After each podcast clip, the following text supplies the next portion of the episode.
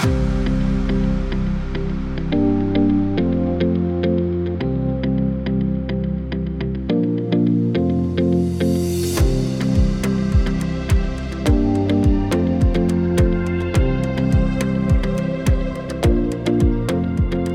לכם, ברוכים הבאים לשומר סף מספר 86, אה, שאנחנו מקליטים אותו בערב אה, שאותי וגם את האנשים שתפגשו היום כנראה לא במיוחד אה, משמח.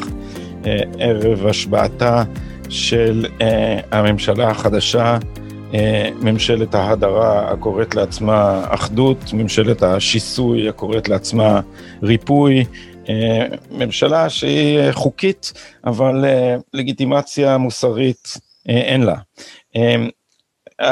והערב אנחנו לא נדון ישירות בממשלה, אלא באחד הדברים שאפשרו אותה, שזה הפגיעה המתמשכת במעמדו של נתניהו על ידי התיקים הפליליים והתקדימיים ועכשיו גם מתפוררים שמתנהלים נגדו, ומה יהיה אירוני יותר אם התיקים האלה יתפוררו אחרי שהם חוללו את הנזק שאפשר לגוש השיסוי אה, להגיע לממשלה. אז אה, אה, הערב, זה כבר יהיה מחר בבוקר מבחינתכם, אני מארח שני אנשים, את מושי קוברסקי, איש הייטק ותיק ופעיל ברשתות החברתיות, שלום מושיק. טוב, טוב, שלום. ואת גיא לוי, שאני מכיר אותו מהפגנות ימים ימימה, הוא איש אה, פרסום ופעיל ימין, וגם בעל חברת יבוא, ו, אה, והתכנסנו היום אה, לצורך הוצאה לאור, או אני מניח, אני לא הראשון, אבל לצורך הצגה בפני מאזיננו את הפרויקט שלכם, פרויקט 315. אז קודם כל נתחיל משמו, מה זה פרויקט 315? מושיק, אתה תתחיל? לא, לא, אתה היוזם. טוב, אה, פרק 315 בעצם התחיל אה, כתוצאה מהחלטת בית המשפט בתיק 4000, שבעצם אה, הורתה לפרקליטות לפרט מה בעצם לטענתם נתניהו קיבל כשוחד. אומרים, יש כאן עסקת שוחד, אתם טוענים שהוא קיבל סיקור אוהד. אומר זאת במילותיו של השופט, אתם רוצים להציג לי יער ואתם לא מציגים לי עצים. אז uh, בבקשה, תציגו לנו את אותם עצים, תציגו לנו את אותה תמורה, את אותו שוחד. שזה היה כבר בהתחלה, נכון? כבר, כבר כשהתחיל הדיון הזה. זה היה בחודש uh, ינואר, אם אני לא טועה. ינואר או דצמבר שנה שעברה. וכולנו נדהמנו, אני חייב לומר, שקודם כל... כן, כי זה, היה, כי זה היה סעיף אחד לצד עוד 49 תיקונים שהם התבקשו לבצע באותו כתב אישום, שעשו 25 הפרקליטים הטובים במדינה וכולי. Uh, אז אה, ברגע שהם התבקשו לעשות את אותם 50 תיקונים, שזה היה אחד מהם, אה, הם אה, נאלצו להגיש בעצם פירוט של אותה תמורה שהם לטענתם נתניהו קיבל, וזה היה אותן כתבות שסיקור אוהד, אותה היענות חריגה. אותה היענות חריגה שהוא קיבל, תיארו 300... באתר וואלה? כן, ש... באתר וואלה, שבעצם בואו נזכיר למאזינים צופים, מי שלא זוכר טיפת הרקע, יש, תיק 4000 בעצם מדבר על uh, מערכת uh, יחסים uh, שוחדית בין נתניהו ובין אלוביץ', כשמצד אחד נתניהו מקבל דריסת רגל והיענות חריגה וסיקור אוהד בתוך האתר, ומצד שני, נתניהו כביכול נותן להם הטבות רגולטוריות שמסתכמות בסכום של כמעט 2 מיליארד שקלים, מיליארד 800, שזה בכלל בדיחה, אנחנו נגיע לזה בהמשך, אבל כרגע בשלב הזה, זה בעצם הרקע של, ה, אה, של התיק הזה, אה, ואז באותו זמן הם הגישו, הם הגישו אה, כתגובה לאותה החלטה של השופטים, הם הגישו 315 כתבות שלטענתם, באותן כתבות ניתן לראות את אותה היענות חריגה. אירועי סיקור, הם קראו להם. כן, בעצם כתבות שהן לטענתם הייתה היענות חריגה לדרישות של נתניהו ובאי כוחו. אה, ואז אני נכנסתי לאותה, לאותה רשימה, והתחלתי לקרוא אותה, וסעיף 11 ברשימה אה, מדבר על זה ששרה נתניהו, אה, דרישה לפרסם ששרה נתניהו דורגה בפורבס כאישה החזקה ב, בישראל. רק אני זכרתי, וזה קפץ לי לעיניים, כי אני זכרתי את הכתבה הזו, רק אני זכרתי אותה לא מוואלה, זכרתי אותה מהטלוויזיה. אז אמרתי, אם הכתבה נמצאת בטלוויזיה, למה זה חריג שהיא נמצאת בוואלה בעצם? והתחלתי לחפש את הכתבה המקורית בוואלה. דפדפתי, דפדפתי, אז עדיין לא ידעתי כל כך איך לחפש, אה, לא, לא הייתה את המומחיות שיש לי היום. אה, וחיפשתי עד 2013, הגעתי לכתבה המקורית, מצאתי אותה, אה, ובכתבה המקורית אני מגלה שבעצם יש ארבע שורות, או חמש שורות שכתובות על שרה נתניהו, שרובם ככולם שליליות, מתארים את מקור כוחה שעל פי מקור אנונימי כמובן, שמקור כוחה הוא לא נודע, כמו חור שחור, ואני מצטט, ושהיא מתערבת בכל עניין ודבר של בעלה, כולל בעניינים הפוליטיים, המקצועיים, הביטחוניים, ובגלל זה היא דורגה כאישה המשפיעה בישראל. אה, על מקום 2, 3 ו-4 כתבו בצורה הרבה יותר מכובדת ולעניין, ולמה בחרו אותה, ותיארו את פועלן בניגוד לשרה. ואז המשכתי לבדוק וגיליתי שזה בעצם סוכר בכל מקום. זה סוכר בטלוויזיה, וזה סוכר ברדיו, וזה סוכר בלמעלה מעשרה אתרי אינטרנט שונים. ובר, וברובם הסיקור היה הרבה יותר אוהד מאשר בוואלה. והמשכתי עוד לבדוק, וגיליתי שכל שנה וואלה מפרסמים בעצם מי האישה שפורס מדרג אותה בתור האישה המשפיעה בישראל. כתבתי על זה פוסט, היה מאוד נחמד, קיבלתי לייקים, אה, אבל אמרתי, איך אני יכול לבדוק את זה? זה לקח לי יומיים וחצי לבדוק אה, שורה אחת שם, איך אני יכול לבדוק 315 מקרים? ואז בעצם אה, שלחתי הודעה בטלגרם הפרטי שלי, ושאלתי אה, שאני צריך מתנדבים, לא אמרתי למה ולא אמרתי בדיוק אה, זה, אמרתי שזה קשור לתיקים, אני צריך מתנדבים. קודם כל פניתי, פניתי למושיק, לפני הכל פניתי למושיק, סיפרתי לו על הרעיון. אה, ידעתי שמושיק יהיה שותף אה, מושלם לדרך, וצדקתי. אה, וביחד פנינו בעצם, יצרנו את הפנייה הזאת, וגייסנו דרך זה אה, בשלב הראשוני היו 47 מתנדבים, היום אנחנו כבר למעלה מ-60. אתם זקוקים לעוד מתנדבים?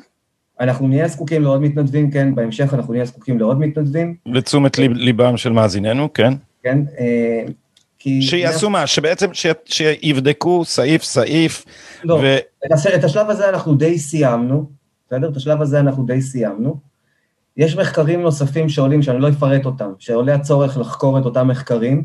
אני יכול להגיד לך דוגמה למחקר כזה שביצענו אה, במהירות מאוד גבוהה, אה, כשראינו אה, בפרוטוקולים שאילן ישוע מתאר ארבעה ימים, שפשוט הייתה איזו בקשה של, של אילן ישוע לתת כתבה מפרגנת לבוז'י הרצוג, הנשיא החדש שלנו. ואז שואלים אותו, למה ביקשת כתבה מפרגנת? הוא אומר, כי ארבעה ימים לפני כן עשינו לו הפצצות, שמונה כתבות וכאלה. אנחנו באותו יום שזה קרה, בבוקר שמענו את זה, בערב כבר היה לנו מחקר מוכן עם כל אותם ארבעה ימים, שמוכיחים שהיה, אה, זה היה, סליחה, זה היה נפתלי, נפתלי בנט, נכון? סליחה, נפתלי בנט. תקן אותי אם אני טועה, נפתלי בנט זה היה המקרה הזה. שמ-14 עד ה-18, כן, נפתלי בנט. ואז אנחנו רואים שם שבאותם ארבעה ימים, אין שמונה כתבות שליליות, יש כתבה אחת, אבל יש, חוץ מאותה כתבה, יש גם אה, ראיון מפנק של 25 דקות שנערך לו באולפן וואלה. ואז בא אליו עורך הדין, אומר לו, תגיד לי, איך אמרת שיש כאן פצצות, אין אפילו קפצונים. אז הדברים האלה, אה, אז יש צרכים שבעצם של אה, מחקרים חדשים שעולים כל הזמן, כל הזמן,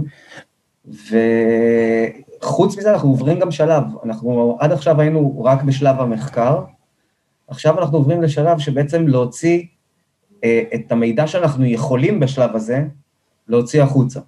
מושיק, אה, לאן המידע הזה מגיע ולמה כן. הוא שימושי? אז בוא נדבר רגע על החלק המסיבי שעשינו בהתחלה, ולפני זה כמה מילים מקדימות אני רוצה לומר על העבודה אה, הנפלאה שעושים פה העורכי דין. שלא יובן פה שלא קשורה, כאילו שאנחנו עושים את העבודה במקום העורכי דין, ממש לא המצב. יש פה עורכי דין מהשורה הראשונה, כולל ידע טכני, כולל uh, ירידה לעומק ולפרטים, ואנחנו רק בתור כוח עזר, עם כוח עזר רפואי כזה, כאשר הם uh, צריכים משהו אנחנו לשירותם, מה שהם רוצים אנחנו מבצעים. הם לא מבקשים אבל, למרות שהם לא מבקשים, רוב הפניות הם, הדברים הם שלנו יזומים, זה לא בא מהם כפנייה מצידם, אנחנו את רוב הדברים אה, עושים כפעילות יזומה שלנו ומציפים אותם אליהם. מה שהם משתמשים, הם משתמשים, מה שהם לא משתמשים, אז הם לא משתמשים. ולתקשורת, אתם יוצאים גם לתקשורת? אז אנחנו מתכוונים לצאת לתקשורת אה, בצורה מסודרת, אנחנו מתכוונים אה, לחבור כנראה לאחת העמותות, היה לנו מאוד קשה, קשה לנו עדיין להשיג עמותה שתיקח עלינו בעצם חסות, יש לנו הרבה אנשים שרוצים לתרום לפרויקט הזה, כי כל הקטע כאן הוא תודעתי. היום אנחנו שומעים בתקשורת הרבה פעמים את הוויכוח הזה, התיק קורס, התיק לא קורס, אבל אין שום דיון ענייני על העובדות, על מה שקורה שם. אה, בגלל זה, דרך אגב, אנחנו שמחים על הפודקאסט הזה, כי כאן יש את המקום שאחר כך, אני מניח שבשלב יותר מאוחר בפודקאסט, ממש נוכל לצלול לתוך הדברים ולתוך העובדות, ו- ו- ולהוריד את זה מרמת הסיסמאות. ואנחנו, יש לנו כמה תוכניות אה, כדי להציף את זה גם לאנשים אה, בעלי כוח, בעלי השפעה, לאו דווקא רק במחנה שלנו, אה, אנשים שיש להם הגינות עוד בתוכם, וגם להם חשובה הדמוקרטיה אה, האמיתית. ואנחנו מתכוונים גם להפיץ את זה להמונים בשפה גם יותר פשוטה, וגם ליצור בעצם ארכיון שבו יהיה כל מידע שקשור למשפט הזה. השופטים צריכים לדעת שהם לא עובדים בתוך ואקום סגור, וזו לא בועה סגורה, והמשפט הזה, לצערי, מתנהל גם בחוץ, לא פחות מאשר בפנים, אז אנחנו צריכים להציג גם את עמדת ההגנה, ולא רק את הרכילויות שגליקמן וברוכי בוחרים אה, כן, זה, מתוך הבתי... זה ממש, אלה הם בכלל, זה פשוט, זה מדהים הדבר הזה שהם הם, הם, אה, הם מפלגה, זאת אומרת, הם בכלל לא אה, משמשים כעיתונאים, אלא אה, כדוברים של, של צד אחד במשפט הזה. אה, כן, מושיק. אני רוצה רגע לדבר טיפה על ה-315, כי זה גם נותן את השם לקבוצה שלנו, אבל טיפה איך ארגנו את זה, וזה חשוב שאנשים יבינו. אם ניקח למשל דרישה שעלתה באחד הדיונים בשבוע שעבר, אה, דרישה מספר 5, אירוע מספר 5, אירוע מיום 19 לראשון 2013, אה, שנאמר ככה בכתב האישום, אני מצטט עכשיו מתוך הנספח של כתב האישום, אירוע מספר 5, דרישה להעלות פרסום על השתתפות אביו של נפתלי בנט בהפגנות נגד יצחק רבין, שימו לב, הנאשם נתניהו היה מעורב בדרישה, הדרישה עוברה באמצעות רובינשטיין לנאשם אלוביץ' וטופלה במעורבותו, הדרישה נגנזה לבקשתו של רובינשטיין. קודם כל נבהיר מי זה רובינשטיין הזה, זאב רובינשטיין הוא אה, איש אה, עסקים, אה, אני חושב הוא יושב בארצות הברית בכלל, והוא פנה לאילן ישוע הרבה פעמים עם דרישות, בשלב מסוים הוא היה מועמד לכתב אישום נגדו ואין היום נגדו שום אישום, זאת אומרת הפרקליטות לא מוצאת בו שום אשמה. אבל הוא החוליה כאילו המקשרת שכל הזמן מעביר את הדרישות, במקרה הזה הדרישה גם נגנזה. אז בואו נדבר רגע על ה... שנייה, מושיק, חשוב כאן להגיד שהוא בעצם בשימוע שנערך לו, הוא בא ואמר, תקשיבו, אני לא קיבלתי שום פנייה, לא מנתניהו ולא ממישהו מטעמו, לכל הדברים האלה שאני ביקשתי. את כל הדברים האלה שאני ביקשתי, אני ביקשתי מיוזמתי, כי אני ידעתי שאתם חברים, ואני ידעתי שאני חבר שלכם, ואני ידעתי שאני חבר שלו, ואני ראיתי את ההתנהגות ואת ההתנהלות המאוד אנטי שהייתה אצלכם בתוך האתר, וניסיתי להשפיע, אבל כל הדברים האלה באו ממני. והתזה שלו, הגרסה שלו הזאת, היא בעצם התקבלה, כי כרגע הוסר מול אה, כתב האישום שלו, אה, מחוסר אשמה, ובעצם הוא די שבר שם את אותו לינק שכביכול היה אמור להיות ב-150 מקרים. כן. אז, אז בכל זאת, מה המקרה הזה, מושיק, אם אתה יכול לא, לסיים? אז, אז בוא נדבר רגע על, זה, זה דוגמה לדרישה, ובאופן כללי, כשאתה מסתכל על דרישה, אז קודם כל אתה צריך להגיד, האם בכלל הייתה דרישה מצד נתניהו? בטוח שחלק גדול מתוך ה-315 מקרים האלה, נתניהו בכלל לא ידע שהם קרו. אז לטעון הנאשם באופן כללי, הנאשם נתניהו היה מעורב בדרישה ללא כל הוכחות, זה קודם כל מחפיר, ובמקרים מסוימים, כמו במקרה הספציפי הזה, דרישה נמשכה בסדר גודל של שעה, ואמר עורך דין בן צור, נכון, באולם בית המשפט, בפרוטוקול זה רשום, הוא אמר, אתה באמת חושב שהוא הגיש את הדרישה, ואחרי שעה הוא משך אותה, ובכל התהליך הזה ראש הממשלה היה מעורב, ואלוביץ' היה מעורב, וכולם היו מעורבים, זה לא הגיוני כל העניין. אז, אז קודם כל, האם הייתה דרישה? הדבר השני, האם הייתה היענות בכלל? אה, למשל, אנחנו רואים דרישות, אירועים שכתוב, אה, יש בקשה להעלות כתבה, אבל הכתבה לא קיימת, היא מעולם לא עלתה, אז אין פה היענות. או בקשה להסרת כתבה, אבל אנחנו עדיין רואים את הכתבה היום באתר. זהו, גדי, אני, אני אספר לך משהו. אנחנו כשבנינו את המתודולוגיה של הבדיקה, בעצם כשבנינו למתנדבים שלנו איזושהי מצגת עם מתודולוגיית בדיקה, איך בודקים סעיף? אז אנחנו חייבים להיות כנים ולהגיד שאנחנו לא שאלנו שאלה אחת בהתחלה, האם הדרישה בכלל נהנתה? כי היה נראה לנו הזוי שהפרקליטות לא בדקה את זה בעצמה. שנגיד הם רושמים שביקשו כתבה מסוימת לעלות, או ביקשו לשנות כותרת, או ביקשו להכניס תגובה מסוימת, והם רושמים לך הדרישה נהנתה, ואתה נכנס לבפנים ואין את הדבר הזה.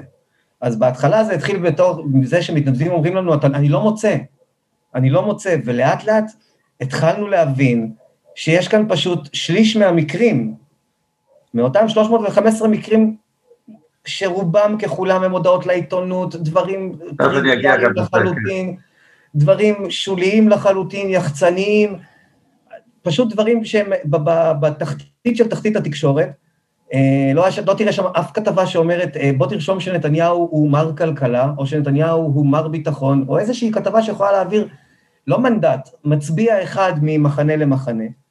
אה, כל הכתבות שלהם כאלה, ובכל זאת אתה רואה שבשליש מתוכם הם רשמו הבקשה נהנתה, אבל עובדתית, לא פרשנית, עובדתית, הבקשה לא נהנתה. רשום לך, הכתבה הוסרה, והכתבה קיימת שם עד היום. רשום לך, התגובה נכנסה, והיא לא, לא קיימת. יש לכם הסבר לזה, מושיק? יש לך איזה הסבר? כן, כן, כן, תראה, קודם כל הם היו בלחץ, כי ההחלטה הזאת של בית המשפט, שהם צריכים לפרט את האירועים, היא לא הייתה בתוכנית. התוכנית הייתה... מה הייתה התוכנית? איזה תוכנית הייתה לכם? התוכנית הייתה, הם יגידו שנתניהו אשם ובית המשפט יחתום על זה, זאת אומרת, זה ברור, זה מה שהם רגילים. אבל במקרה הזה בית המשפט דרש פרטים. לא ברור לי למה, אבל הוא דרש פרטים, הוא רוצה לדעת, הוא אומר, אתה לא יכול להגיד לבן אדם שהוא גנב, אבל לא לפרט את מקרה הגניבה, אתה צריך לפרט. אבל אם נחזור, גם כשהבקשה נענתה, ונניח נענתה במובן זה שביקשו להעלות כתבה והיא עלתה, עכשיו, הם מדברים על היענות חריגה, האם זה חריג? חלק גדול מאלה שנהנו מופיעים בכל העיתונים ביחד. למשל, יש שם בקשה שאני אה, חושב שאני יכול לדבר על הנושא של יוני נתניהו, נכון, גיא? למרות שזה כן. אה, יוני נתניהו בשנת 2016 אה, היה 40 שנה למבצע אנטבה, ועשו פסטיבל גדול, חודש לפני זה הוציאו המל"ן, מרכז למורשת המודיעין, הוציא ספר של כל האנשים שהשתתפו במבצע עם העדויות שלהם וכולל דברים של, של יוני וכולי ועשו על זה כתבות בכאן 11 ועשו על זה כתבות, סדרת כתבות בוויינט וכולי.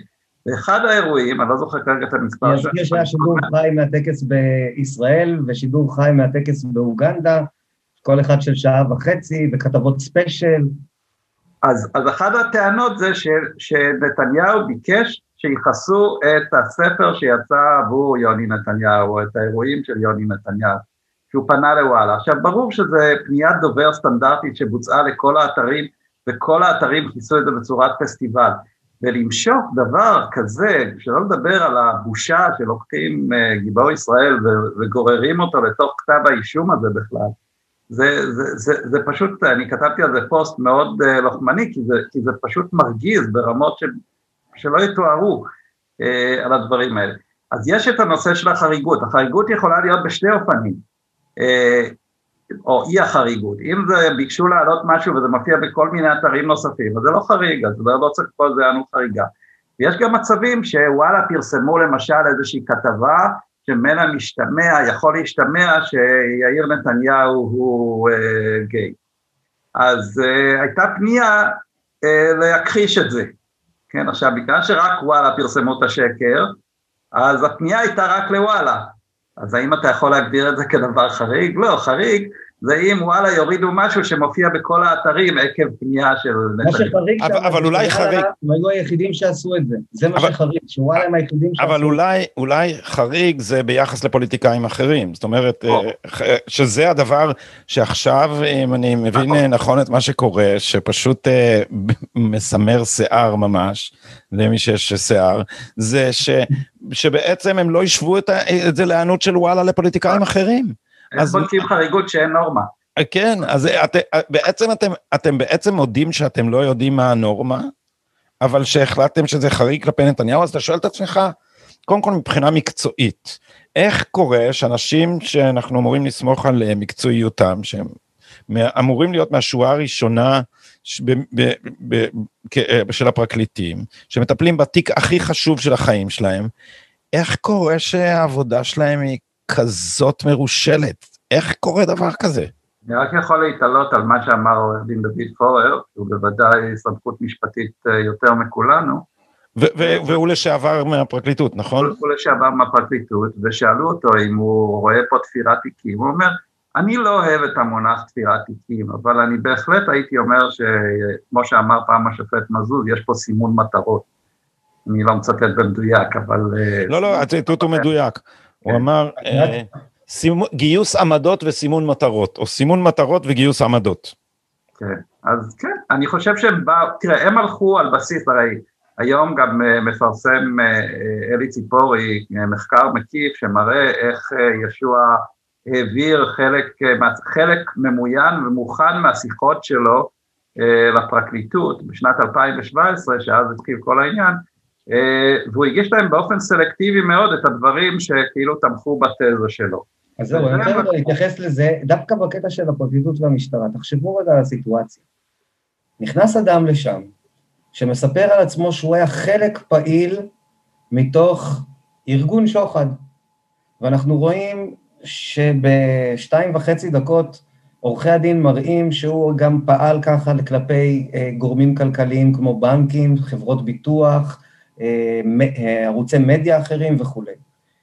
ונכנס לשם הבן אדם ומגיש להם את הטלפון שלו, ונותן להם רק חלק ספציפי, והם לא בודקים בכלל את השאר, והם לא שואלים שאלות, הם לא נותנים לו מעמד של עד מדינה, ולא עדות ניקיון, ולא שום דבר, ופשוט כאילו, אה, זה מה שנתת לנו? בסדר גמור, תודה רבה. עכשיו ארבע שנים אנחנו מנהלים חקירה, שולחים אה, חוקרים לחמש יבשות, 333 עדים, אבל אף אחד מאיתנו לא נכנס לטלפון לבדוק מה עשית עם שאר הפוליטיקאים. זה פשוט לא יאומן. טיפשות, רשלנות או זדון, מה אתה אומר? מה אתה מנחש, גיא? וואו, אני, אני שנים כבר לא זנחתי את ה... התייאשתי, סליחה, גם מהרשלנות וגם מהטיפשות. התייאשתי מהם. הייתי נותן את הקרדיט הזה הרבה פעמים, קצה, נפשי. Uh, עכשיו, uh, אני באמת חושב שכדאי שהצופים המאזינים שלנו יתחילו באמת להבין, להבין מה שקורה כאן. מה שקורה כאן זה שאתה שאלת איך זה קרה, איך הם, אה, מה הם חשבו ש... שיקרה. הם באו עם תיק כזה כי הם לא חשבו שנתניהו עדיין יהיה ראש ממשלה בשלב הזה. הם פספסו בשבועיים, חודש, אבל אה, הם חשבו שהוא לא יהיה ראש ממשלה, הם חשבו שהוא יחתום על עסקת טיעון מזמן, והם חשבו שמזמן הוא כבר לא יהיה חלק שהוא כבר מזמן לא יהיה פה. ואני אומר את זה כי זה לא עניין שהם לא עורכי דין מספיק טובים. באמת, זה לא עניין שהם לא עורכי דין מספיק טובים. כי אם עכשיו היית נותן לכיתה במכללה מסוימת שלומדים במשפטים, שהם שנה א', ואומר להם, תעשו ביקורת משפטית על כתב האישום הזה, לא צוות טיפחה מסתברא שמביאים מבחוץ במאות אלפי שקלים לחודש, אני מדבר על סטודנטים של שנה א', תעשה כתיבה ביקורתית על כתב האישום הזה, הדבר הראשון שהם עושים, זה לוקחים את ה-315 סעיפים ונכנסים לגוגל לקרוא את הכתבות המקוריות. וזה משהו שלא נעשה כאן, לא יכול להיות. אבל זה כמו לומר שזה זדון, מפני שזה לומר, הם חשבו לפגוע בסיכויים של נתניהו להיבחר, ככה שהם אף פעם לא יצטרכו להציג את, ה, את, ה, את המקרים האלה בבית המשפט. תגידו, אם אני אתן כותרת אה, לפודקאסט הזה, תיק 4000 מתפורר, יצאת נגד זה גיא בתור סיסמה. אתם עומדים מאחורי כותרת כזאת? אתם חושבים שזה הוא מתפורר? מבחינה עובדתית לחלוטין, מבחינת השופטים, למרות שיש סימנים טובים, אני לא יודע להגיד. אנחנו... אה, כן, אני מסכים עם גיא. אה, אי אפשר לדעת, אה, אנחנו ראינו כבר את הביטוי שבמערכת המשפט מוצאים את המשפט ולא את הצדק, כולנו מכירים, אז קשה לנו לדעת מה יהיה בסוף התוצאה, כבר ראינו פסקי דין שבהם כל הפירוט מראה שבעצם הנאשם זכאי ובסוף מוצאים איזו סיבה להרשיע אותו. אז אה, לא, לא הייתי, אבל, אבל אין ספק שקורים פה דברים מסמרי שיער שצריכים להטריד כל אדם במדינה, עזוב ביבי לא ביבי, זה כמו ש... זה, זה, זה חלק מהעניין, זה יכול לקרות לכל אחד מאיתנו. שיתפרו לו, אני אומר, יתפרו לו תיק, יסמנו מטרות, whatever you want to choose, אה, ויראו רק אינפורמציה סלקטיבית, לא יעבירו את כל האינפורמציה הרלוונטית להגנה בניגוד לדין, ידליפו על ימין ועל שמאל במשך שנים לערוצי התקשורת מידע סלקטיבי, אה, כל הדברים האלה הם כשלעצמם אה, עילה בכלל להגנה מן הצדק באופן מילולי, זאת אומרת, יש כאן בפירוש מערכת רודפת. תראו, יש פה אלמנט בסיסי, אין פה סימטריה. למדינה יש משאבים בלתי מוגבלים וכל אזרח שמגן על עצמו יש לו משאבים הרבה יותר מוגבלים. וכאשר אה, המדינה חורגת מתפקידה למצוא את הצדק ומחפשת את ההרשעה, יש לנו בעיה. אני חושב שזה בדיוק החשיבות של הפרויקט שלנו, גדי. כן. החשיבות של הפרויקט שלנו, השלב הבא שלו, זה להציף את הדברים האלה החוצה. שהעם ידע את זה. כי אם אנחנו נסתמך על מה שקורה כרגע בתקשורת שלנו, זה מזעזע, זה מפחיד. זה פשוט ו- מפחיד. ו- ולפני שאני רוצה שתכף נעבור לניסיון להציג מורה נבוכים קצר לתיק 4000, גם אמרת את זה בכמה מילים, אולי אנחנו יכולים לעשות יותר מכמה מילים כן. ו- ולהסביר ביתר פירוט, אבל לפני זה, כשאתם אומרים שאתם רוצים להביא את הדברים לידיעת העם, אה, כלי התקשורת הרי אה, משקרים בענייני משפט נתניהו, לפחות מוליכים אותנו שולל באופן מכוון, יש פה נרטיב אה, מתלהם, ברור שיש פה אכיפה בררנית, ברור שלקחו עבירות תקדימיות, קלושות, חלקן ממש בדיחה, והתקשורת מתנהגת כאילו יש פה איזו זוועה שלטונית בזמן שחשדות חמורים פי כמה וכמה, נגיד אהוד ברק, אה, מהעמותות ועד התנהגותו כ... כ כשר ביטחון, ועד קשריו המשונים עם אה, ג'פרי אפשטיין. כל הדברים האלה לא מעניינים את התקשורת. יאיר לפיד, שאם נתניהו, אם סיקור אוהד זה שוחד, אז אה, יש פה אה, אדם שעזר, שהיה, עבד אצל נוני מוזס שנים ארוכות, ש... פעל מאחורי הקלעים לקידום חוק ישראל היום, ואז במעשה הודיני נעלם מההצבעה ולא הצביע בעד זה עצמו, ואז שלל השערים שהוא קיבל בידיעות, לכאורה יש כאן קייס סופר. יש את הקייס של איתן כבל שקיבל פחות או יותר הוראות מידיעות אחרונות, ואת כל הדברים האלה לא חוקרים, זה פשוט מטורף, והתקשורת פשוט משמשת כמקהלה של, ה, אה, של מחנה אנטי ביבי כדוברות של פרויקט הפלת נתניהו, שזה הפרויקט של האליטה שאני קורא לה הניידת, זה הדבר שבו האליטה הזאת אה, עוסקת, ו, אה, ואי, ו, וקשה להחדיר משהו אחר, כל, מה שאומר, כל מי שאומר משהו אחר, אומרים לו, אה, אתה שופר.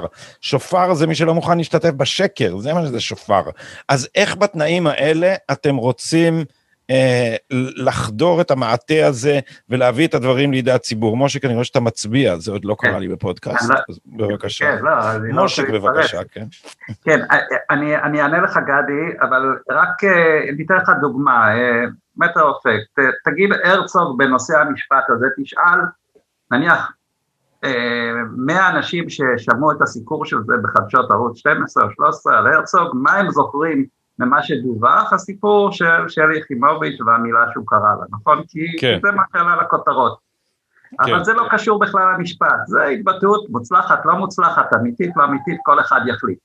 אבל יש בפרוטוקולים פנימיים, כשאתה מסתכל למעשה, תזכור, בוא נזכור, אילן ישוע מעולם לא דיבר עם נתניהו אישי, כן? מדובר על זה שהוא נתן לו סיקור אוהד, ומפמפמים כתבי המשפט בכמויות, הם אומרים, זה עניין של כמות לעומת האחרים. אז, אה, אבל כמובן שלא יכולים למדוד את הכמות, כי את האחרים לא מדדו בכלל, אז אי אפשר להשוות, כן? לא, לא נכנסו לרולים ובדקו את השיחות, אבל יש בכל אופן, הרי מה קרה? הפרקליטות התרשלה, פעם זה היה אני חושב באמת התרשלות ולא בזדון, הם העבירו לאקסל, קובץ אקסל, שהם חשבו שכוללים רק את השיחות שאותם אה, הם כללו בחוברי חקירה, אבל הייתה שם לשונית, וכמו שז'ק חן אמר בבית המשפט, הוא, הוא לא איש טכני, הוא לחץ על איזה כפתור שהוא לא ידע שהוא לא צריך לדחוץ עליו, ופתאום הופיעו עוד עשרת אלפים שיחות ודברים שאילן ישוע בכלל לא ידע שהם נמצאים בידי הגנה. 18 אלף. וזה... 18 אלף, דרך אגב זה היה מאוד מדהים, שלאורך כל המשפט, עד הרגע שהתגלה אותו נושא של שיחות, אילן ישוע לא ציין שום דבר מהדברים שהיה שם. זאת אומרת שאילן ישוע ידע מראש מה העבירו להגנה ומה לא העבירו להגנה. מה הם דאגו להסתיר מההגנה? כי הוא זה, כי, לא כי כל... האם, האם הוא תודרך? כנראה שכן. ברור, אבל... קראו לזה רענון, נכון? הם קוראים לזה רענון לדברים האלה. כן, רענון, כי ראינו את הדף אה, שהם הוציאו לו על הרענון. שבדף הזה הם בעצם נותנים לו בולטים של הנושאים לא, שהם עליו. הוא רשם את הדברים. כן, וזה בולטים ש... אה, של נושאים שהוא אמור להישאל עליהם על ידי ההגנה, שהם חזו שהוא יישאל על ידי, על ידי ההגנה, והוא נתן באותם בולטים, אה, כאילו כתבו איתו תשובות, מה, מה דרכי ההגנה שלו, איך, אה, מה הנרטיב שהוא יציג מול אותן שאלות.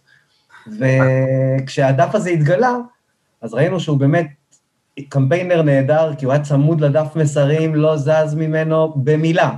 שזה דבר, זה, זה דבר מזעזע כשלעצמו, שכאילו הפרקליטות עובדת פה כמו עורכת דין של העדים של, של התביעה, זאת אומרת, לא רק אה, מתאמת איתם מה שהיא תשאל אה, אותם, אלא מתדרכת אותם איך להתמודד עם החקירה הנגדית. כן, כן. אני מניח שזה קורה יותר ממה שנדמה לנו, נכון? באופן עקרוני, אה, אז זה לא דבר שהוא מתפקידה של הפרקליטות, או שאני מחמיץ משהו?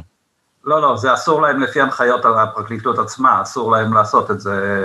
הנחיית פרקליט המדינה, יש הנחיה מיוחדת של פרקליט המדינה שמתארת מה זה רענון, שהיא אומרת מפורשות, אסור לך לתדרך אותו ואסור אה, לתת לו דרכים להגנה, אתה צריך לרענן אותו בחומרים וכו'. אז מה זה רענון, אבל לפי ההנחיות האלה, מה זה לרענן? אתה צריך לחזור איתו על הראיות, לרענן אותו את הראיות, לרענן אותו על העדויות הקודמות שלו, יכול להיות שהוא נתן עדות לפני שנתיים או שלוש, אה, כדי שהוא לא ייכשל בלשונו על משהו שהוא כבר נתן. לחזור איתו על הראיות שהוא מכיר, על דברים שכאלה, אבל בטח שלא לשבת איתו על מה ההגנה אמורה לשאול אותך ואיך אתה תענה להם.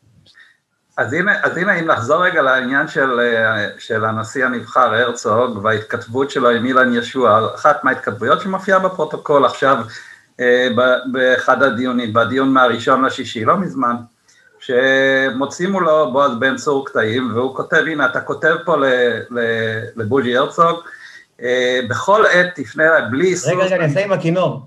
בטוח בצדקתך, אני בטוח בצדקתך, ואז אתה כותב לו, אם אתה צריך משהו, דבר איתי, ואז הייתה כנראה איזושהי פתיחה של חקירה, אה, והיה פיגוע בתל אביב, אז הרצוג כותב לו, כשיש פיגוע בתל אביב, לא ברור לי למה השלמת חקירה קצרה מאוד שעשיתי לפני עשרה ימים היא כותרת ראשית מיד אחרי הפיגוע כבר כמה שעות. ואז אתה עונה לו, הוא אומר לו בן צור לישוע, ואז אתה עונה לו, אני מטפל. ומטפל יקירי, הוא שואל אותה, פנייה יקירי מעידה על איזושהי קרבה, אז עונה לו ישוע, או שכן או שלא. אז הוא אומר לו, לא, לא או שכן או שלא, שאת צריכה אם היא מעידה כן או לא, לא או שכן או שלא, כן או לא? הוא אומר לו, לא בהכרח. הוא אומר לו, טוב, בוא נתקדם להמשך התכתובת, אתה כותב לו תוך דקותיים, כבר יורד. הוא מוריד מהדף הראשי את הכותרת, ה... תמיד, זה... זה, זה לא הענות חריגה. יחסים של סיקור אוהד. זה לא מערכת יחסים עם נתניהו שהוא מעולם לא דיבר איתו. עכשיו, כמו הרצוג, אנחנו לא ראינו את הרול החדש-חדש, זה שעכשיו uh, התביעה uh, מחויבת לספק, זה הרי עד ה-27 ליוני ניתנה החלטה של בית המשפט. ההחלטה אמרה, היו, היו כמה דברים מאוד מעניינים בשבוע שעבר, אני מקווה שזה בסדר שאני מרחיב על זה קצת. כן, כן. Uh, היו כמה דברים מעניינים, uh, אחד זה שההחלטה שניתנה על ה-315 ברגע שראו התובעים שבן צור עובר סעיף סעיף ופורם אותו מבין ה-315 הם נבהלו, הם בסוף יישארו בלי כלום, אז הם פנו לבית המשפט ואמרו ה-315 זה בסדר אבל אנחנו, יש עוד דברים כלליים שאנחנו נרצה להביא אחר כך, אז קפצו שני עורכי דין כמו נשוכי נחש ואמרו לא ייתכן, בית המשפט נתן החלטה זה השדה, ה-315, אין יותר מקרים, אתם לא יכולים עכשיו פתאום להמציא מקרים חדשים. אז יהודית תירוש דיברה והתחפרה ונתנה נאום שלם על זה, ואז אה, היה ויכוח גדול, השופטים הלכו ואמרו, זהו, זה ה-315, אתם לא יכולים לחרוג מזה. אז עכשיו אנחנו נמצאים רק ב-315, ו... וזה די מדהים. עכשיו, לגבי השיחות, ברגע שעלו השיחות הגנוזות האלה, התברר שיש עוד 350 אלף, שמעולם לא נבדקו. ועכשיו, אז את, אתם אה, רוצים עכשיו להכריז... על... החלטה שעד ה-27 לחודש, אנחנו היום אה, נמצאים, מה? ב-13, עוד שבועיים, הם צריכים לספק את כל התכתובות שרלוונטיים לפי שישה קטגוריות, פוליטיקאים, אנשי פרסום, אה, אנשי עסקים, יש שם את כל הקטגוריות. ואחד העיזים שהם הכניסו להם בהחלטה הזאת, הם אמרו, בדרך כלל את המחקר הזה ואת המעבר עושה המשטרה, רשויות החקירה. הפעם לא, אנחנו רוצים שאתם, התביעה, תעשו את זה, כי בעבר, כל פעם שמשהו היה לא בסדר, הם האשימו את המשטרה. אז עכשיו כבר אין להם את מי להאשים, הם אלה שצריכים לעשות את זה. אז אולי אתם צריכים להתחיל לקרוא לעצמכם פרויקט 350 אלף עכשיו. אה, אה, תגידו, אה, יש לנו עוד זמן לא רב. לגבי השאלה שלך, לא ענינו לך. על התקשורת. אז לא, אנחנו, קודם כל יש לנו גם ערוצי תקשורת מרכזיים, מה שנקרא, שאנחנו מדברים איתם. כמו שומר סף, למשל. כמו שומר סף, כן. למשל. שאנחנו מדברים איתם על לעשות איזושהי כתבה על הנושא הזה. אנחנו מעדיפים שקודם כל יצא עוד קצת חומר בבית המשפט, כדי שנוכל גם אנחנו לספר אותו, ולא להרוס את ההפתעה ליהודית אה, תירוש, ולא לליאת בן ארי, לא נעים. אה, אז אנחנו אה, מחכים עוד קצת, אבל אנחנו נצא עם זה, ואנחנו, יש לנו דרכים, בשביל זה אנחנו רוצים את ה-head start, ובשביל זה אנחנו נצטרך את התרומות, יש לנו כמה דרכים שאנחנו מתכוונים לעשות את זה, גם מה שנקרא להמונים, וגם למטיבי הלכת. יהיה לנו פתרונות לשתיהם, מעניינים ויצירתיים מאוד. וחלק מהחומר שלכם הועבר גם להגנה, ואפילו, הבנתי, ההגנה השתמשה בחלק מהחומר שלכם בכמה מקרים. כן, אני יכול להגיד לך שההגנה הייתה מופתעת מחלק מהדברים שאנחנו הבאנו.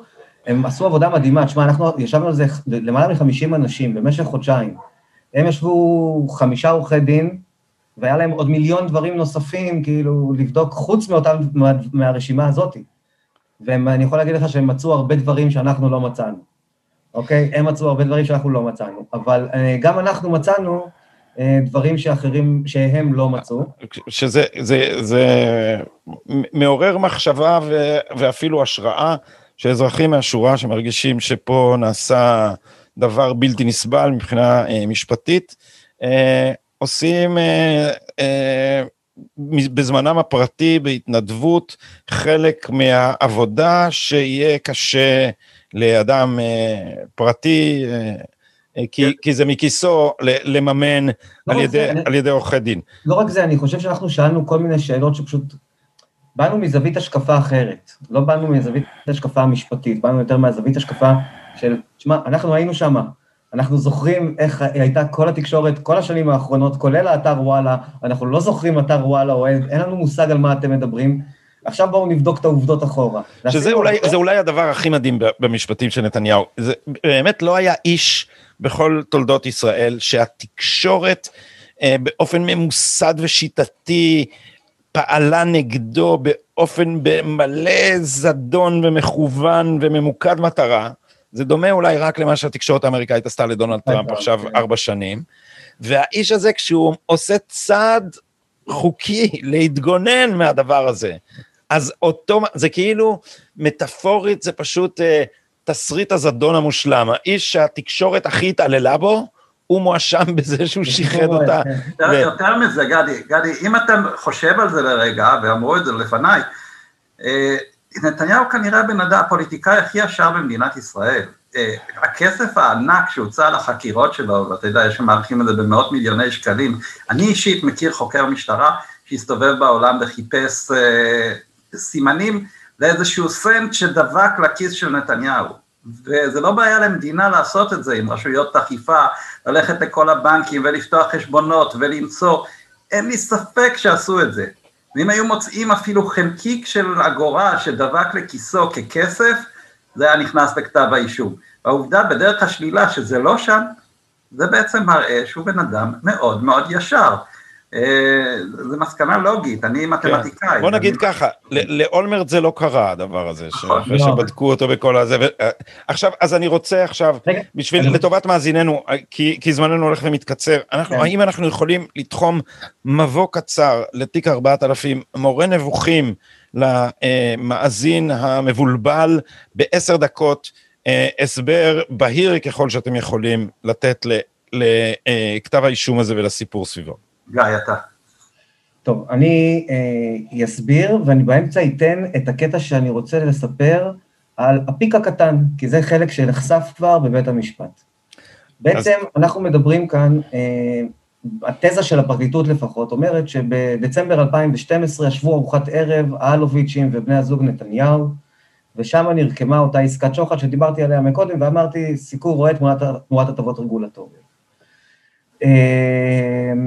ומאז כביכול התחילה מסכת של דרישות, שהן בעצם בקשות, אפילו בחלק מהמקרים המצחיק שאתה יכול לראות, אם זה כמובן, אתה רואה כתוב בטקסט, אם זה כמובן מסתדר, אם אפשר, וזה עדיין מוגדר כדרישות, ואנחנו רואים שם בעצם 315, מה שהם קוראים לו דרישות, שבגינן כביכול ניתנו הטבות רגולטוריות, בצד השני יש את ההטבות רגולטוריות, שזה אישור של מכירת האתר יד 2, שזה אתר שהיה שייך לקבוצת בזק, ובעצם שאול אלוביץ', שהיה בו 15 אחוז סך הכל בשליטה שלו בבזק, בעצם רצה לקדם את המכירה של האתר, כדאי שזה... זה, זה, רגע, זה, זה 800 מיליון שקל, זה נכון. הנתח הזה, וכל הזמן אומרים, קיבל הטבה רגולטורית בסך. זה לא, הוא מכר את האתר, האתר נמכר. רגע, בוא נעשה סדר. זה לא הייתה הטבה עדיין. שלו, הוא מכר את האתר שלו, שהיה שווה את הכסף הזה, ועובדתית הוא גם היום שווה את הכסף הזה, אז אה, הוא מכר את האתר שלו ב-800 מיליון, זה נכון. אחרי מיסים, בזק קיבלה 500 מיליון.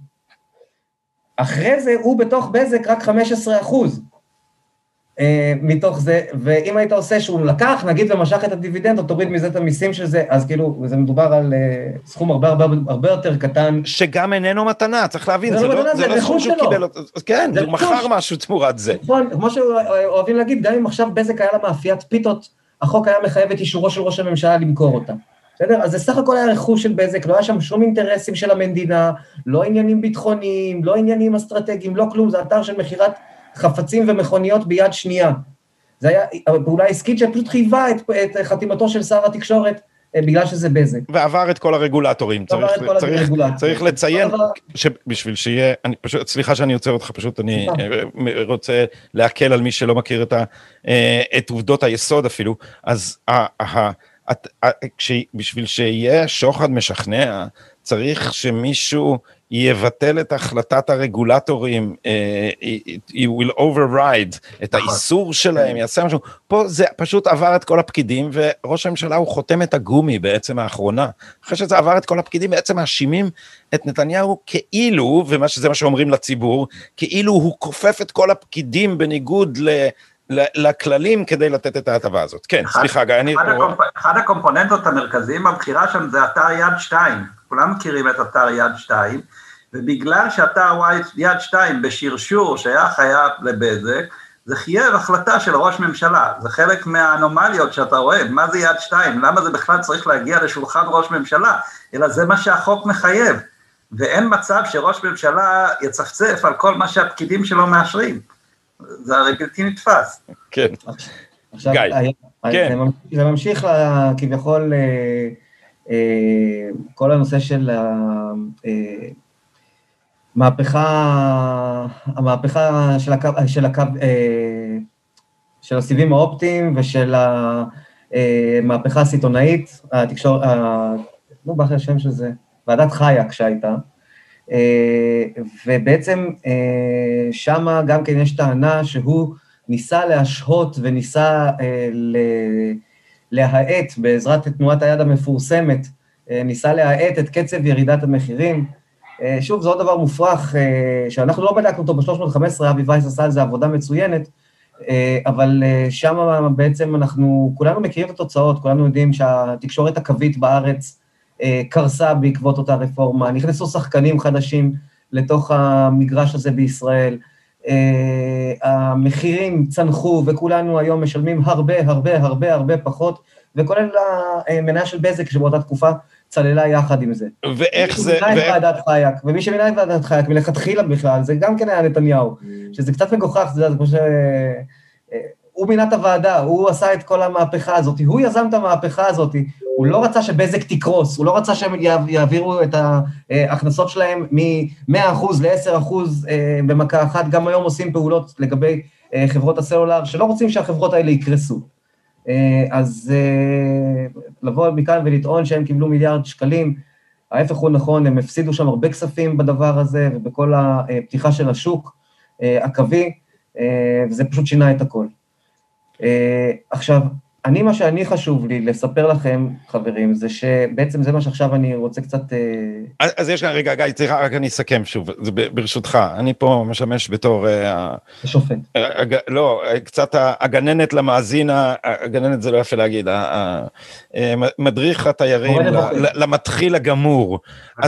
אז יש כאן משוואה שבה... על צד אחד, ניתן, זה לאף אחד לא ברור למה קוראים לצד אחד המתת ולצד השני התמורה, כי זה בעצם, אפשר להפוך את זה. אה, וטוענים שנתניהו נתן הטבות רגולטוריות וזורקים את המספר החסר שחר הזה, 1.8 מיליארד שקל, זה נשמע לציבור כאילו אלוביץ' קיבל כסף או הרוויח מיליון 800, אה, מיליארד ו-800 מיליון שקל על חשבון הציבור, זה הרי הרושם שיוצרים. ובצד השני, בהתחלה אמרו לנו סיקור אוהד, וכולנו חשבנו שהיה סיקור אוהד, ואז הסתבר שאתר וואלה בכלל עוין. אז אמרו, רגע, הוא היה עוין יותר, אבל הוא השתנה בעקבות הלחץ של נתניהו ושליחיו, והאשימו גם את המשפחה והאשימו אותו בדברים שעשו בני משפחתו. אחר כך התברר שמשפחה לא אשמה באופן קולקטיבי, זה התברר כשליאת בן ארי אה, אה, אה, פרצה לתודעה הציבורית השערורייה של המכרז. שלכאורה היא ובעלה אה, הונו אותו ואחר כך סגרו דירה וכולם התייחסו לזה, היא רק סגרה דלת, היא לא רק סגרה דלת, היא ניגשה למכרז למגורים אה, כדי... כדי... תושבי המקום בלבד. ש, ש, שנועד רק למי שמתכוון לגור שם ועל כך הרוויחו אה, סכום אה, נכבד. אבל אז ב, בתיק 4000 מתברר שהמשפחה פתאום לא אחראית, זה קרה בבית המשפט אם אני לא אה, נכון. טועה, שבית המשפט לא קיבל את, ה, את הרעיונות האלה או הביע תמיהה על הרעיונות האלה, ואז, ואז, ואז הדבר הזה בסוף כל מה שנשאר ממנו זה היענות חריגה, ועכשיו אנחנו מגלים את הדבר המדהים, ש... לא בררו ביחס לאיזה נורמה הדבר הזה חריג, וכשנשאלו הפרקליטים באיזה מובן זה חריג, נגיד ביחס לפוליטיקאים מוכרים, או בציר השני ביחס לכלי תקשורת אחרים, הסתבר שהדבר הזה בכלל לא נבדק, הסתבר שבכלל לא אה, בדקו את היחס המקביל של של אתרי תקשורת או של לפוליטיקאים אחרים, וזה, תשמעו, אם, אם, אם זה לא היה בנפשנו, הייתי אומר לכם, תסריטאי מופרע, כתב פה קומדיה סוריאליסטית על דבר שלא ייתכן גם ברפובליקת בננות.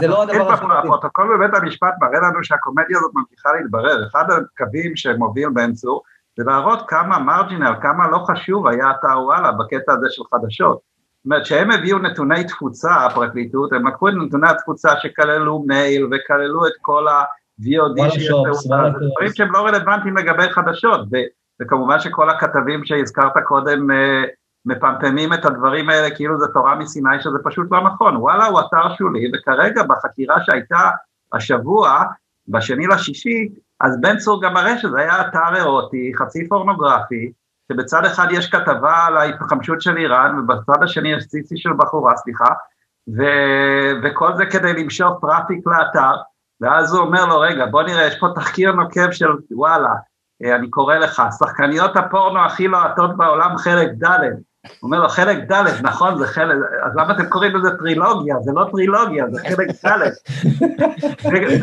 ועל הדברים האלה יושבים שלושה שופטי בית מחוזי, אה, בית משפט מחוזי, ומקשיבים, וזה עולה למדינה הון תועפות. אז רגע, אז אני רוצה, שנייה, אני חייב, אני חייב, אני חייב, פשוט חברים, אני חייב להגיד את הדברים האלה, כי אני, אנחנו שוב, אנחנו מפספסים רק דבר אחד אחרון, זה את העובדות. אני חייב שכולם ישמעו את החלק הראשון של כתב האישום. בחלק הראשון של כתב האישום ובחלק הראשון של כל העדות של אילן יהושע, אנחנו שומעים על תקופת הפיק הראשון. תקופת הפיק הראשון מתוארת כמאותה ארוחת ערב בדצמבר 2012 ועד בחירות 2013, שזה היה בינואר, חודש אחד אחרי.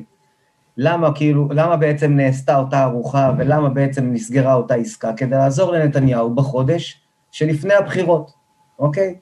נכנסים ל-315 סעיפים, זה מה שעורך דין בן צור עשה, ובדק איזה סעיפים מתוכם נמצאים בתקופה הזאת, שמהרגע שזה התחיל, ועד לתקופת הבחירות, יש שמונה סעיפים סך הכל, אוקיי? ולזה הם תיארו את זה בתקופ, בתור תקופת הפיק הקטן. הפיק הגדול היא לפני בחירות 2015, אני מניח שאנחנו נעשה עוד פודקאסט אחר כך, הוא יהיה הרבה יותר מצחיק. אה, אבל בואו נעבור רק עכשיו במהירות, רק בשביל שאנחנו נדבר קצת עובדות. בואו נעבור במהירות על אותם שמונה, בסדר? אני מחזיק לנגד עיניי את, את, הפוסט, את, את הפוסט שלך בנושא הזה, ומי שרוצה לקרוא אותו, תהיה הפנייה אליו בעמוד הפייסבוק שלי, אה, עד שתגיעו לשם, בטח יהיו עוד כמה אייטמים, אז גללו למטה, אה, והפוסט הזה משותף אצלי. כן, גיא, בבקשה, למאזיננו. ככה, סעיף מספר 1, נפתלי בנט תומך בשלי, דרישה לפרסם שנפתלי בנט תומך בשלי יחימוביץ' ובציפי לבני. בפועל מה שקרה, זו הייתה כתבה שהכותרת שלה הפוכה לחלוטין. בא עורך דין בן צור, מוציא את ה, מציג את, הכותר, את, המס, את הכתבה על המסך, ואומר להם, תראו, הנה הכותרת הפוכה, הפוכה לחלוטין.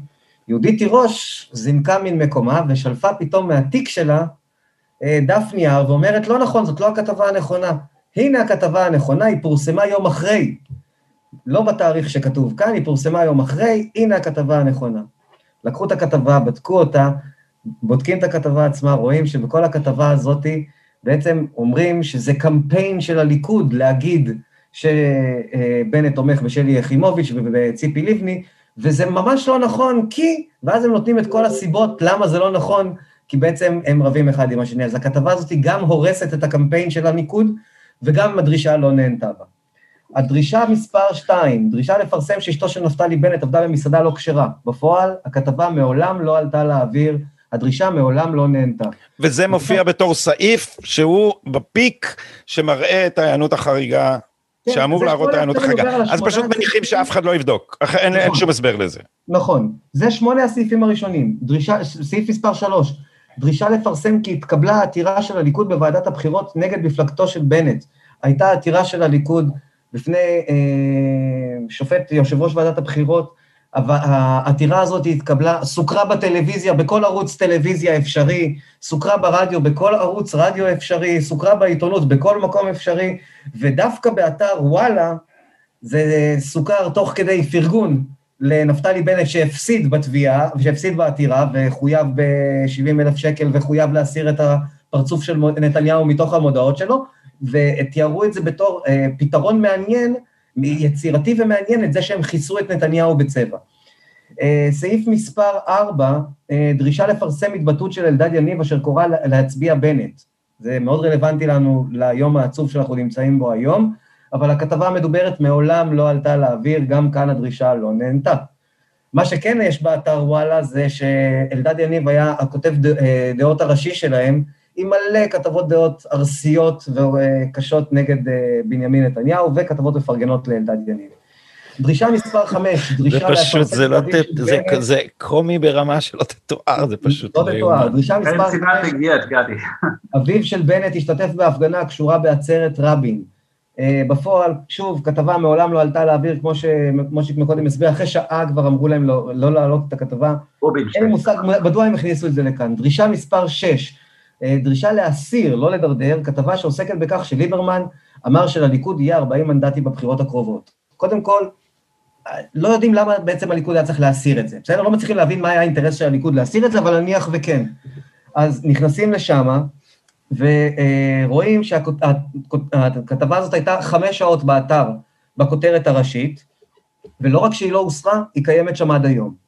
אה, דרישה מספר אה, שבע, לפרסם שראש עיריית ירושלים דאז, ניר ברקת, מודיע על תמיכתו בראש הממשלה בנימין נתניהו. שוב, סוכר באופן נרחב בכל מקום. וגם בואנה, זה עוד, אה, עוד דובר סטנדרטי, עוד דובר סטנדרטי לחלוטין. הדוברים עושים את זה. כשקורה משהו שאתה גאה בו, הכל, סתם, אני, בפרויקט אה, סדרה בטלוויזיה, היחצנית של רשת שולחת קומוניקט לכולם ואומרת, תפרסמו את זה, כאילו, אוקיי. אבל... ואז אתה נכנס ורואה בכתבה שמה, שבכלל יש כתבה לידה. שהם הוציאו באותו יום מאת דן מרגלית, כמובן ידידנו, כתבה שנקראת ביקורת על נתניהו. לא, בוא אני אקרא לך, שנייה גיא, אני, אני רוצה לקרוא, להשלים את התמונה, מה כן התפרסם באותו תקופה של הפיק הקטן בדצמבר, כתבות שליליות שהתפרסמו בוואלה באותה תקופה, אני רק אקרא לך כמה כותרות. אה, כותרת אה, ככה, רגע, כן, בינואר. אה, נתניהו חופר בור עמוק, מוביל אותנו לגיהנום כלכלי וחברתי. חשבתי שהליכוד ונתניהו יתגברו מההסתה והלשון המופקרת. התנהלות נתניהו לא אחראית. נתניהו מעצבן, ביבי מעצבן את העולם, כאב קבוע בטוסיק של העולם, כן? זאת כתבה, זה, זה במסגרת הסיקור האוהד בעקבות ארוחת הערב, אתה מבין את האבסורד? יש כאלה, זה, אנחנו אספנו איזה 30 כתבות שהתפרסמו בחודש הזה, שבו לכאורה התחילה מערכת היחסים השוחדית וכולן שליליות. גיא, גיא, הדוגמה האחרונה, נכון? אנחנו בשמונה? סעיף שמונה, כן, סעיף שמונה. אה, ביום הבחירות, אה, דרישה לפרסם אה, תמונה של נתניהו בביקור בכותל, והסרה של סרטון של בנט. נורא ואיום. נכנסים לתוך אתר וואלה, יום הבחירות, כן? יום הבחירות, היום החשוב ביותר. התמונה הראשונה של נתניהו שעולה לאתר עולה ב-10.35. אתה יודע מה קורה ב-10.35? זה חצי שעה אחרי שנסגרות הקלפיות. ובמהלך כל היום יש כן תמונות של שאר המתמודדים אה, בתוך האתר. נכנסים ואומרים, טוב, האם מוסר הסרטון של בנט? מסתבר שבאותו יום לא היה סרטון של בנט. היה סרטון שבו הוצגו כל ראשי המפלגות, כולל נפתלי בנט וכולל בנימין נתניהו, כל אחד באופן שווה, ונגיד וכן, והייתה בקשה להסיר לחיוב, לשלילה, כן אהבו את הסרטון, לא אהבו את הסרטון, לא הוסר הסרטון. הסרטון היה באתר, נשאר באתר וקיים באתר עד היום. בקיצור, מתוך שמונה מקרים, שהם שמונה המקרים הראשונים, זה עברו סדר כרונולוגי, זה לא שהוא הלך ולקח עכשיו מתוך ה-315 את 75, 42 ו-18 ו-7, לא. הוא הלך לפי סדר כרונולוגי איתם. הוא עבר 1, 2, 3 עד 8, והוא הראה איך בכל השמונה האלה, ברובם, הבקשה בכלל לא נהנתה, בכלל לא נהנתה. ולמרות שהיא לא הייתה חריגה גם בהם, כאילו גם אם היו נהנים לה, אז מה? אבל הבקשה לא נהנתה, ואתה כן רואה אה, שבבקשות שכן נהנו, אז לא הייתה שום חריגות. אה, קצת מצחיק, הוא דיבר איתו שם, אמר לו אה, שהם ניסו לעצור את עניין הבקבוקים. בסדר? ניסו לעצור את עניין הבקבוקים, כי זה כבר היה לו, נראה לו מוגזם. ואז הוא מוציא לו את המשחק, ארבעה עמודים. אתה, אתה תזכיר מה זה עניין הבקבוקים. העניין, הייתה חקירה, הרי נתניהו, כמו שמושיק ציין, חקרו וסרקו במסרקות ברזל, מה שכל בן אדם אחר היה, מוצאים לו 25 תיקים כבר, בדקו לו את הנרות, נשמה, בדקו לו את כיסאות הגן שעברו לקיסריה, בדקו לו את המטפלת באביה הגוסס של שרה, את כל הדברים האלה היו בדיקות לפני חקירה, שזה בעצם חקירה לכל דבר ועניין, ואחת החקירות הייתה, האם שרה נתניהו מחזרה את הבקבוקים ששתו בהם במעון ראש הממשלה, ולקחה את הכסף לשימוש חוזר לטובתם. אז אה, אשכרה הנושא הזה נבדק בדיקה משטרתית ברמת חקירה, אה, אבל זה היה טרש, זה היה טרש שפשוט הם חפרו עליו וחגגו עליו בתוך האתר, ואז הוא אומר לו, אה, כן, הנה כאן אני אמרתי שכדאי שנפסיק להתעסק בזה, כי יותר מדי כבר חגגו על זה, ואז הוא אומר לו, בוא נראה לך מה היה אחר כך, ורואים שם כתבה של ארבעה עמודים בתוך אתר וואלה. אם אתה גולל בטלפון שלך, זה יוצא ארבעה עמודים, שמספרת על זה שבמחנה הציוני הוציאו משחק, נוער המחנה הציוני הוציאו משחק, שנקרא, עזרו לשרה לאסוף בקבוקים, ובכתבה, ובמשחק הזה בעצם רואים, ובכתבה שאצלם, רואים צילום מסך מתוך אותו משחק, צילום מסך משפיל של שרה אוספת בקבוקים אה, בסלסלה כזו. אה, ארבעה עמודים שמתארים את הכתבה, לינק למשחק, שחס וחלילה לא תצטרך לחפש את זה, שיהיה לך קל להגיע, אה, ואף מילת ביקורת, אף מילת ביקורת על המשחק הזה.